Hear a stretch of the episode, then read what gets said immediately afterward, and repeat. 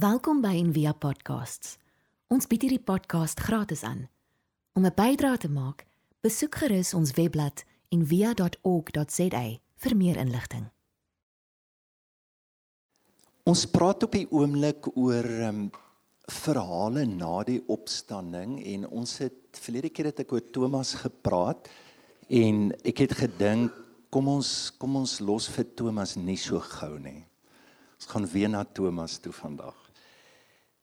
Nou dis dis vir my is dit nie interessant wat Johannes doen.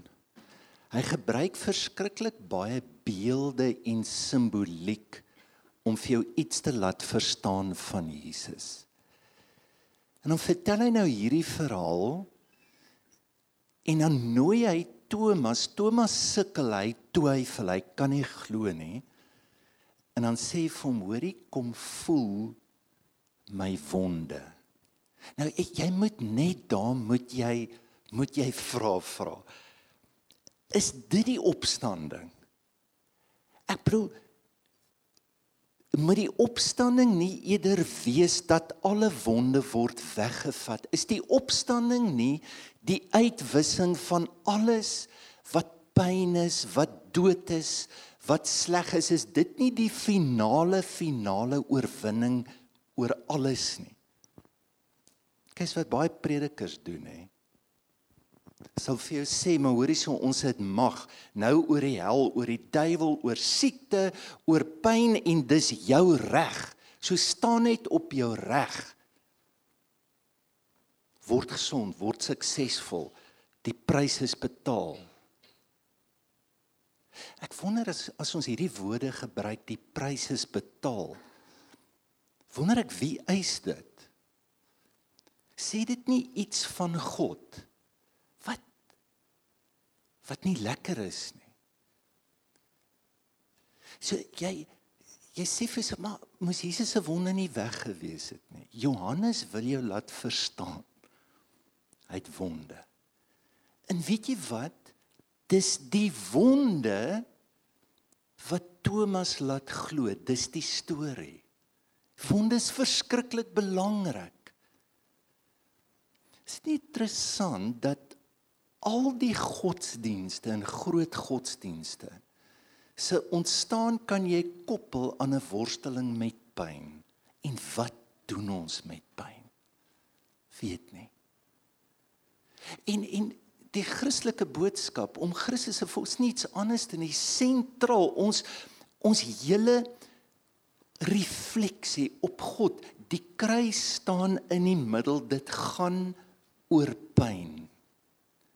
En hoe jy omgang met pyn sê iets van jou geestelikheid. Is gekoppel. So jammer ons haal Richard Rosso baie aan. Ek weet ek is al beskuldig. Oomie kom sien my sê, hoor hierso ek het 'n probleem met rorisme.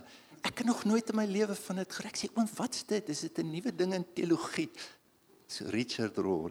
So jy kry rorisme vir oggend dan weer.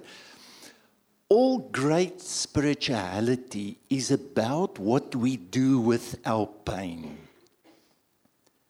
And if we do not transform our pain, we will transmit it to those around us.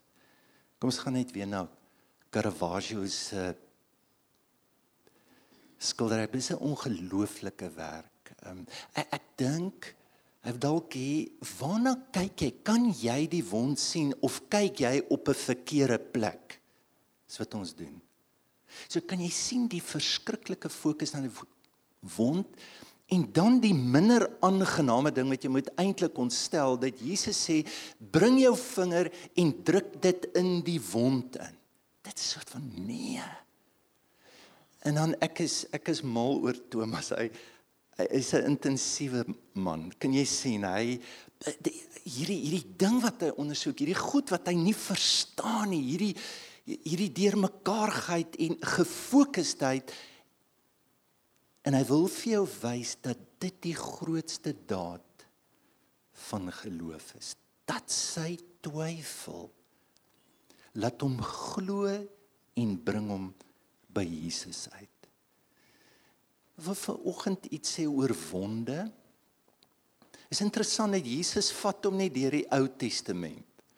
Sê vir hoorie, ek gaan nou vir jou skrif vir skrif vat. En dan sal jy hierdie goed mooi verstaan en dan gaan jy glo nie. Kan jy sê kom voel. Ons kyk jy kan baie goed weet van God. Dit is nie te sê jy het 'n vat voel belewenis gehad van hom. Dis wat Johannes jou na uitnooi. Dit dis hoe jy kan instap in 'n ontmoeting, in 'n aanraking met hom. En waar is dit? Is deur jou pyn. So wond is pyn. En ons almal het pyn. Ons dra fisiese pyn. Ons dra psigiese pyn, ons dra emosionele pyn. Ons dra intellektuele pyn. En en 'n wond werk so. Ek het so rukkie terug in 'n stukkie glas getrap en ek kry nie dit so klein. Die hond het die glas 'n wynglas, ja, wynglas gebreek se teken. en ek wil dit nie aanvaar nie. Toe kry ek 'n splinter. En nou soek ek daai ek wil hom uitker maar dit nou wag ek nou maar laat hy nou maar uitsweep maar nou kom ek agter ek het nou leer loop op 'n manier. So in dis wat ons doen. Enige wond laat jou kompenseer Seinlik wat Lukie sê die enneagram vir die van u wat nie weet wat dit is. Net 'n meetinstrument wat eintlik kyk na verwonding en vir jou sê weet jy so het jy oorleef so so trap jy so loop jy En dit lyk my daar's nege verskillende maniere ons loop in in en jy word eintlik uitgenooi na daai manier van loop in jou lewe. En ek wil kom ons staan net vir oggend weer vir 'n oomblik stil by 'n pyn wat ons nie baie oor praat nie en is intellektuele pyn. Die hele ding met Thomas begin maar Hoe werk dit? Hoe kan dit wees? Ek sukkel om dit te glo. Is dit hy? Is dit nie hy nie? Hy hy twyfel oor wie Jesus is. Hy hy hy, hy kan dit nie verstaan nie. En ons nou verlede keer gekyk na jy weet wie hy was as 'n persoon. Hy's van die begin af het hy hierdie weird vrae. Jesus besig met die nagmaal en vra ek hom verduidelik nou net hoe sy pad na die Vader toe en hy kom van 'n daar's van ons wat wat wat meer kopmense is. Dis makliker vir hartsmense om in hierdie spasies in te gaan en nou val ons vas. En dit word enorme pyn. En ek wil net drie dinge noem. As ek twyfel, as ek begin te as ek voel maar hoe werk hierdie goed?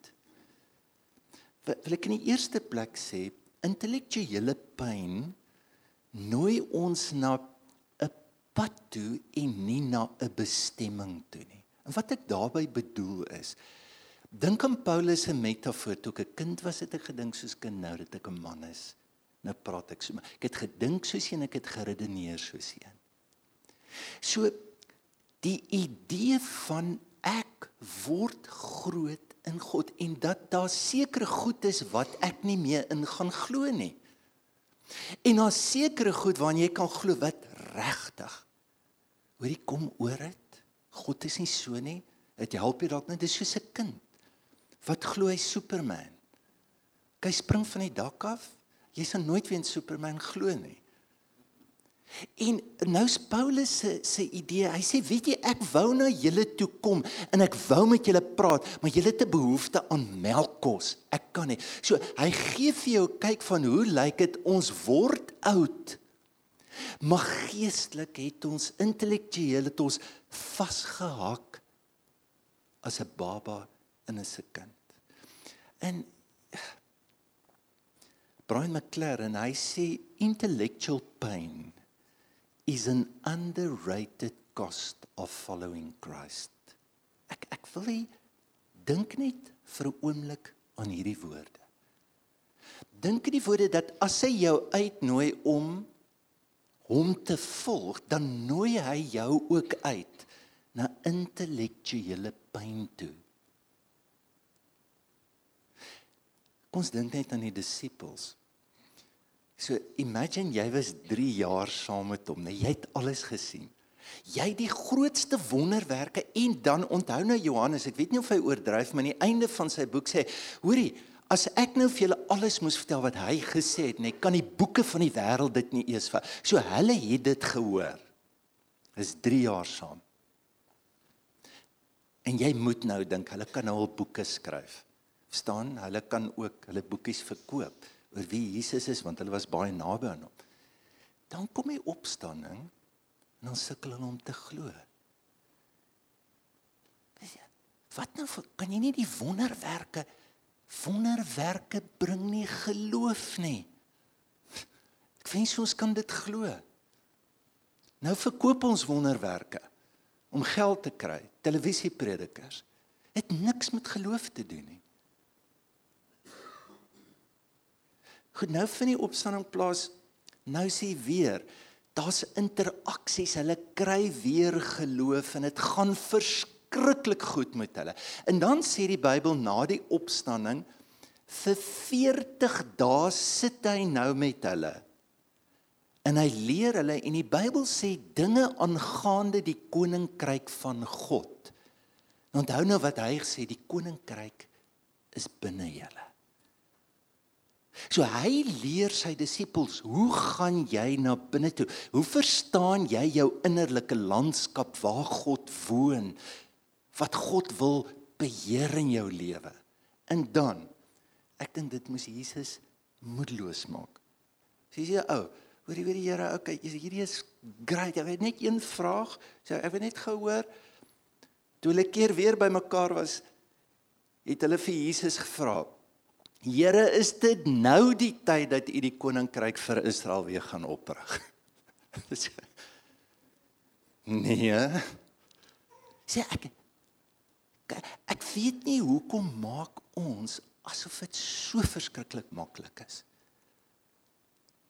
Dit dit was moeilik vir hulle net om te probeer verstaan en te volg. Ons het Jesus se antwoordmasjien gemaak. Wat is jou probleem?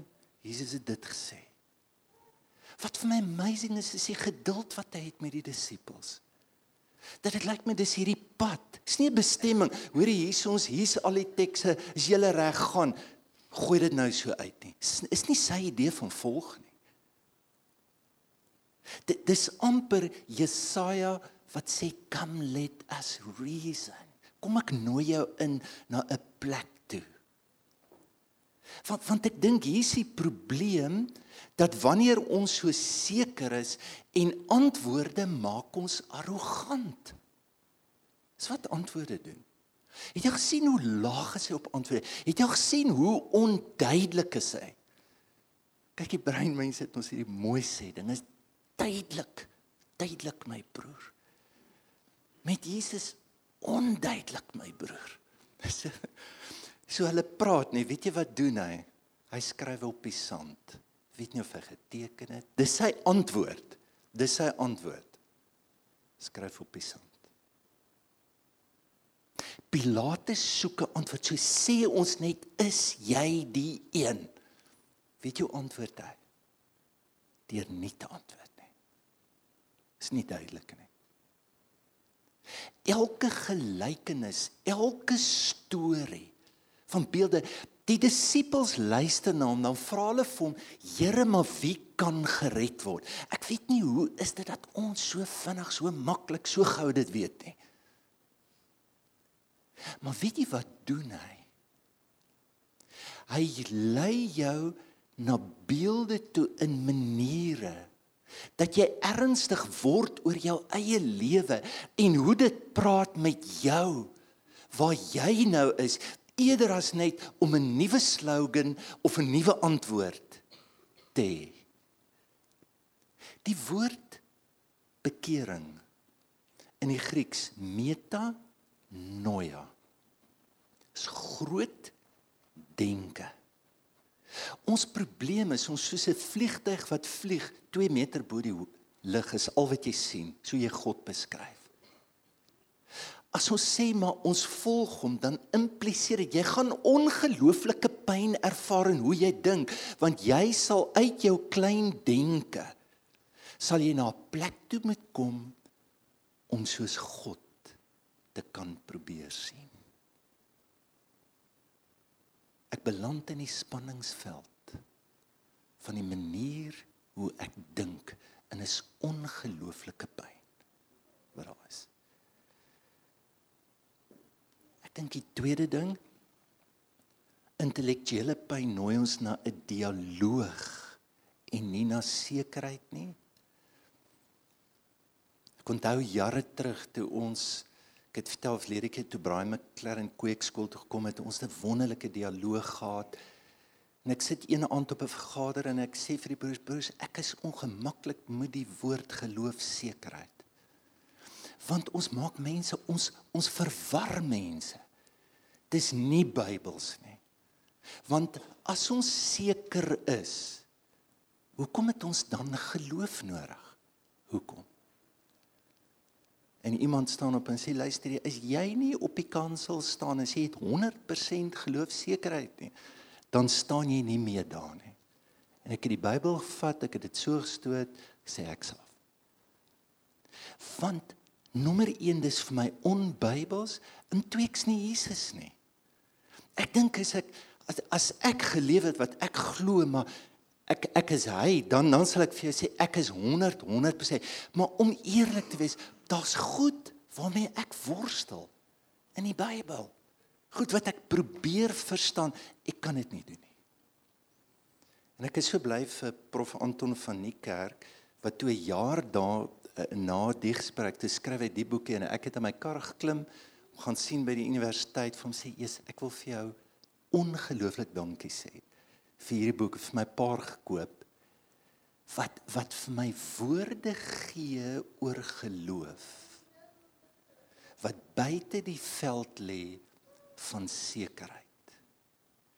En dan 'n prof Jaap die Rand wel ek weet nie dis 10 teen in sy laaste boek hy's in die 80 en dis 'n hele storie van hoe hy omgaan met twyfel en hoe twyfel jou help Maar as jy aan die einde van jou lewe 'n boek kan skryf oor verwondering en dat geloof verwondering in jou lewe bring.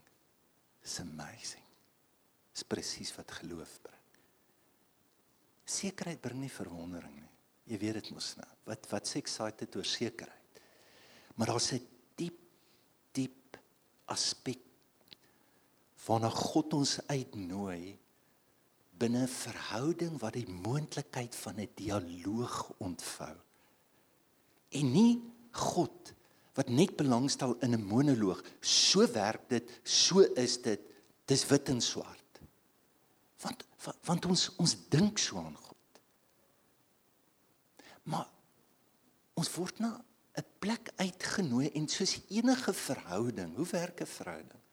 Is dit altyd great? Verstaan jy? Verskil julle? Ja. Ons verskil. En dan hoorie, hoe werk dit vir jou as jy 'n lysie maak en jy sê, hoorie van nou af werk dit so. Hoe werk dit met jou vrou? Hæ? Dis great. Is nie amazing hoe sy gehoorsaam word? Sê, ek is so bly jy is die hoof van hierdie huis. Dit werk nie, nee. Hoekom hoekom wat van as as God sê come let us reason? Wat van die moontlikheid dat die goed waarmee ek worstel diep inspraak van die Heilige Gees in ons lewe kan wees wat vir ons waarheid laat ontvou.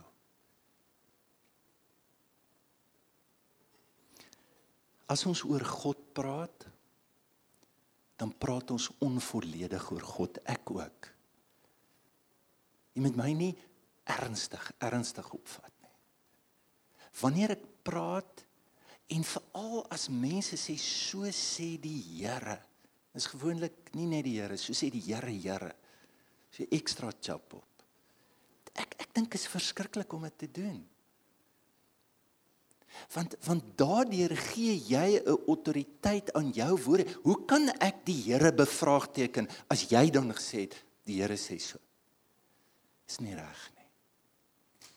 Dan moet 'n baie groter en dieper gebrokenheid wees wat ons in die Bybel kry. Soos Paulus hier oop praat Romeine 11 vers 33 dan sê God is onnaspeurlik en ondeurgrondelik. Wat wat sê dit? Dit sê net dat God is groter, God is meer en God is beter as alles wat jy probeer sê. En as jy so praat, dan praat jy in nederigheid. So nou maar hier's die hier's die spanning nou. So as God, as hy ondeurgrondelik is, as hy dan onaanspreeklik is, so hoekom het ons dan in die Bybel wat vir ons sê, maar hier is dit, hier is dit, hier is dit. En moet ons vra, as ons dit het, is dit perfek? Is dit die finale? Is dit volmaak? Nee, dit is nie. Daar's ook 'n patriargale stelsel in die Bybel. Daar's ook skrifte wat ons nooit gaan doen nie. As die psalmdigter sê vat jou kind en slaan hom teen 'n klip. Of sê kom ons gooi gay mense dood met klippe. Daar dis voor die hand liggend. Ons ons weet daar is ons het 'n erfenis wat wat die Bybel onsself na uitnooi om op 'n ander manier om te gaan as om te sê hoor hier's alles en dan word ons oneerlik en ons kies hier en daar skriffies in ons Bybel is net so dun. Annie Dillard say the concepts and language about God that are given us in scripture and church tradition are simply words that we can have permission to use without being struck dead for idolatry. We should never pretend everything is accurate and adequate. Scripture itself makes that clear. Not understanding this confuses our notion of faith and doubt. So hier is 'n ongelooflike voorbeeld van Christus wat die Bybel vat en dan sê hy hierdie woorde voorheen is daar gesê maar ek sê vir julle. En weet jy wat doen hy? Van al die vrae wat hulle hom vra, Trevor Hudson sê 163 vrae, antwoord hy net 3. En weet jy hoe antwoord hy dit? Jy moet die Here jou God lief hê. So die vraag wat ons eintlik met hierdie is die wetenskap van liefde waarmee ons besig is. Dis nie die wetenskap van hoorie is dit is dit die waarheid? Is die waarheid van liefde? En dan vra dit maar, hoe help hierdie skrifte my omgang intellektueel met die Bybel my om meer lief te hê? Het jy gehoor praat mense sê, nee hoor jy ek glo maar soos 'n kind. En daarbey bedoel ek ek gaan nie oor praat nie. Dis nie jy moet nie 'n kind bly nie, asseblief nie. Of hoor jy nie jy twyfel is dit dit gaan dit, dit twyfel gaan jou onstabiel maak. Ek wil dit vra vandag. Is ons ongewilligheid om nie te twyfel nie, lei dit nie eerder na valse sekuriteit en dat dit baie meer gevaarlik is as twyfel? Die van julle wat in 1970 hier was, van julle was al lank hier so 1970 was ek in graad 2.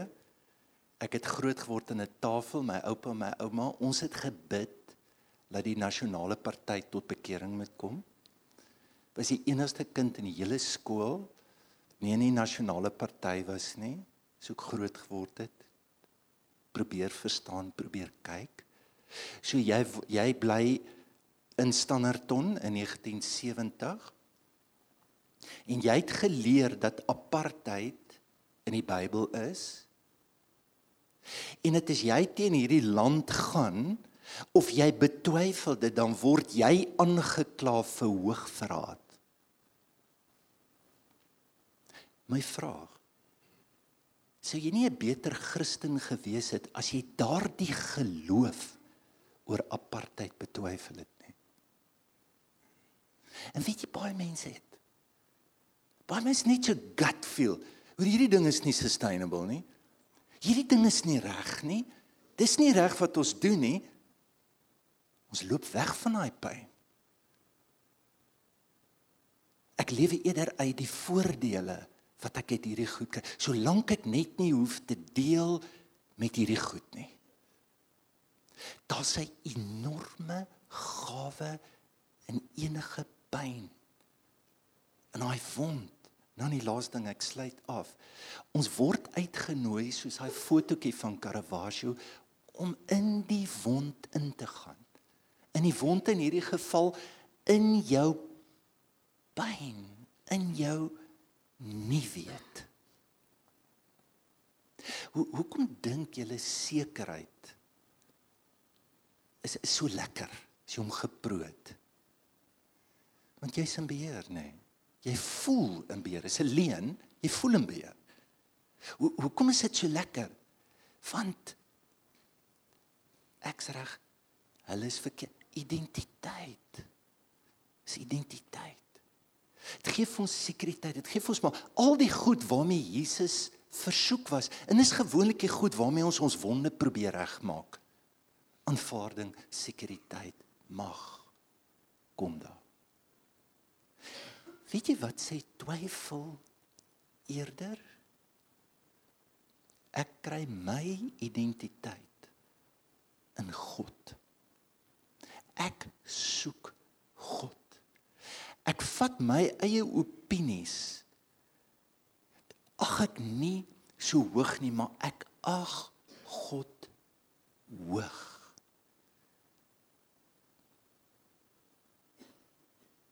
En dan om in te gaan, daai beeld van ingaan, weet jy moet wat jy wat moet jy doen? Jy moet sê hier's dit, so lyk hy dis sy naam.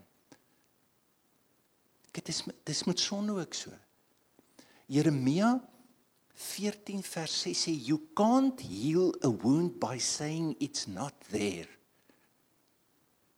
Het gesien wat gebeur is mense hulle probleme insien. As jy hierdie patrone van jou sien wat wat so voorspel, as jy dit sien, jy kan dit noem, jy kan dit bely. Want 'n ander woord vir sonde verwonding is beautiful.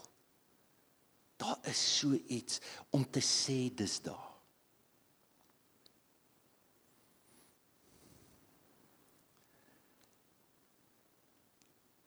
Dit beteken nie dat ons sê net, "O, oh, jy's nee, dis great, nou weet ons nie." Nee, is fantasties, ons weet nie. Nee, ons is onseker, so great om onseker te wees. Is nie dit nie. Beteken net, ja, jy is seker, maar jy weet ook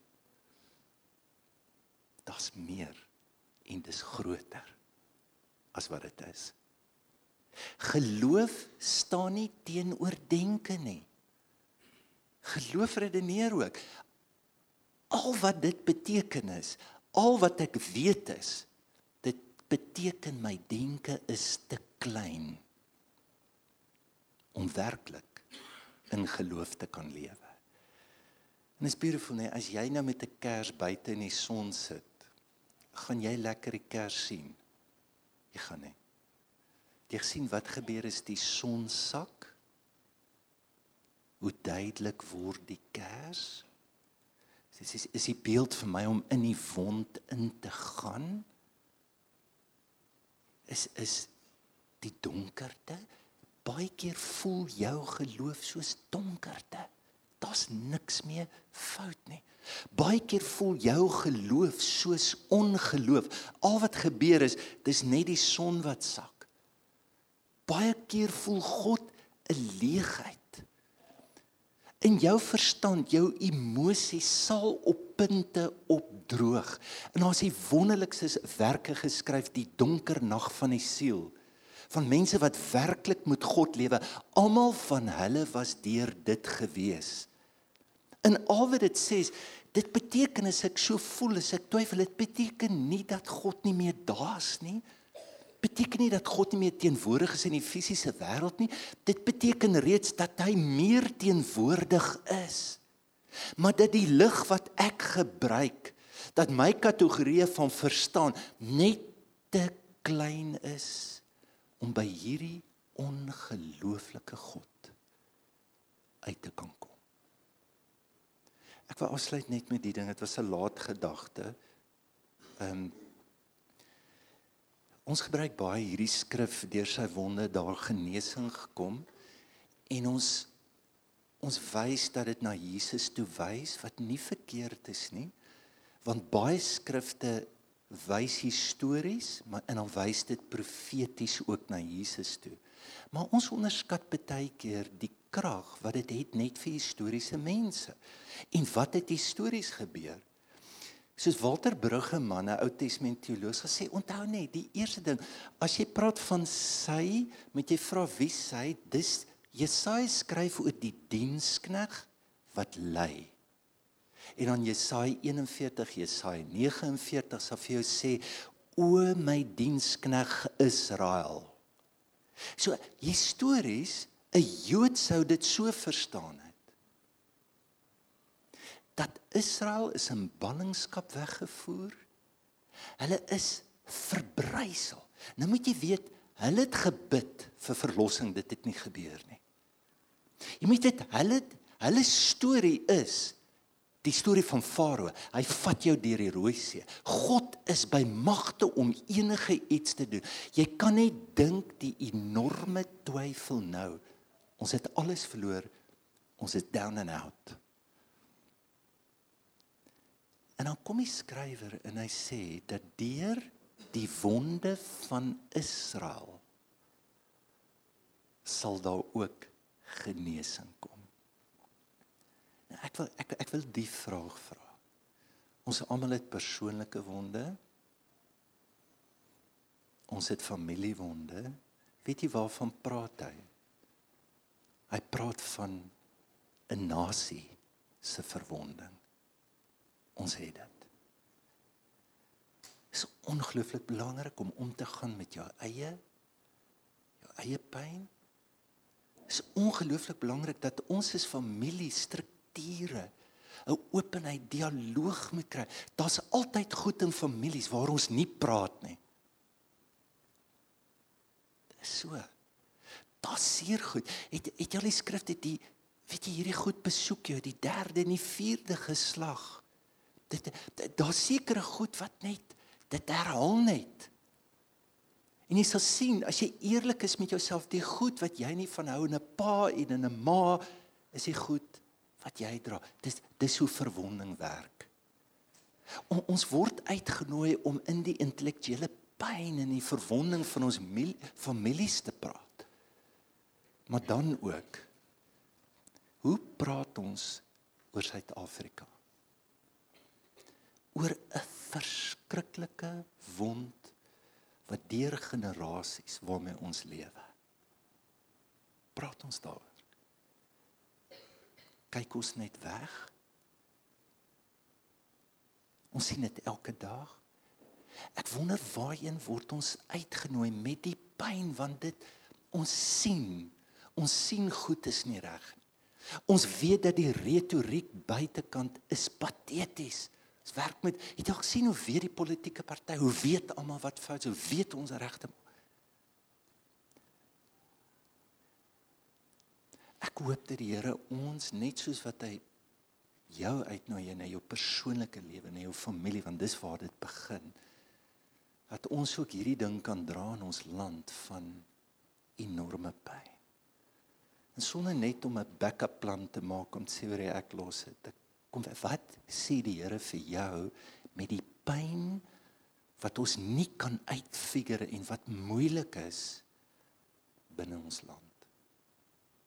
Kom ons bid saam. Here baie dankie vir die ongelooflike toenadering wat u na ons toe kom en wat u net sê kom voel bring jou hande bring jou vinger bring jou lewe kom Kom druk dit in my in. Here, dankie ook vir idees wat ons baie keer dra, wat ons glo van U. Maar dankie ook dat ons groot kan word, dat daar net soveel meer is. Dat ons ons eintlik na ons eintlik bestemming van die diepste verwondering op verwondering met U kan bring. Here vergewe ons dat ons baie keer sekerheid gebruik as 'n valse gemak. Dat ons beter laat voel oor onsself. Dankie dat U ons uitnooi na dialoog toe na diep diep ontmoetings, gesprekke met mekaar met U. En dankie dat U ons in daardie gesprekke uitnooi na na heling toe en na die opstanding toe waar waar dinge verander kan word. Here help ons om ons nader te bring aan ons eie pyn en om lank dae genoeg te sit. Nie ons toevlug te neem in net in 'n kopoorlog of in boeke maar aan u voete, Here. Dankie vir boeke, dankie vir al die stimulasie daar buite. Maar dankie dat jy opgestaan het. En dankie dat daar iets gebeur wanneer ons u woorde, u boek probeer verstaan, probeer verklaar.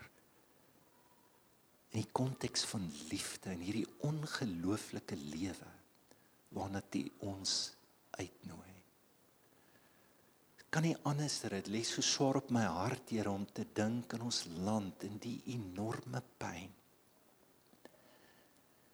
En as u vir Israel sê deur die wonde daar genesing kom aan, wil ek so glo dat deur ons pyn in hierdie land is dat daai pyn ook ons genesing is en en help ons om te kan sien Here, hoe gaan ons in die wond en hoe is ons daar? Hoe word dit ook donker? Here dat dat u kan deurbreek op nuwe maniere u lig kan bring. Dat die kers net helder kan skyn. Ek bid dit in Jesus naam. Amen.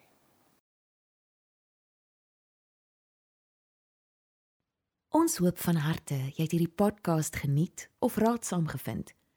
Besoek gerus en via.ok.za vir meer inligting.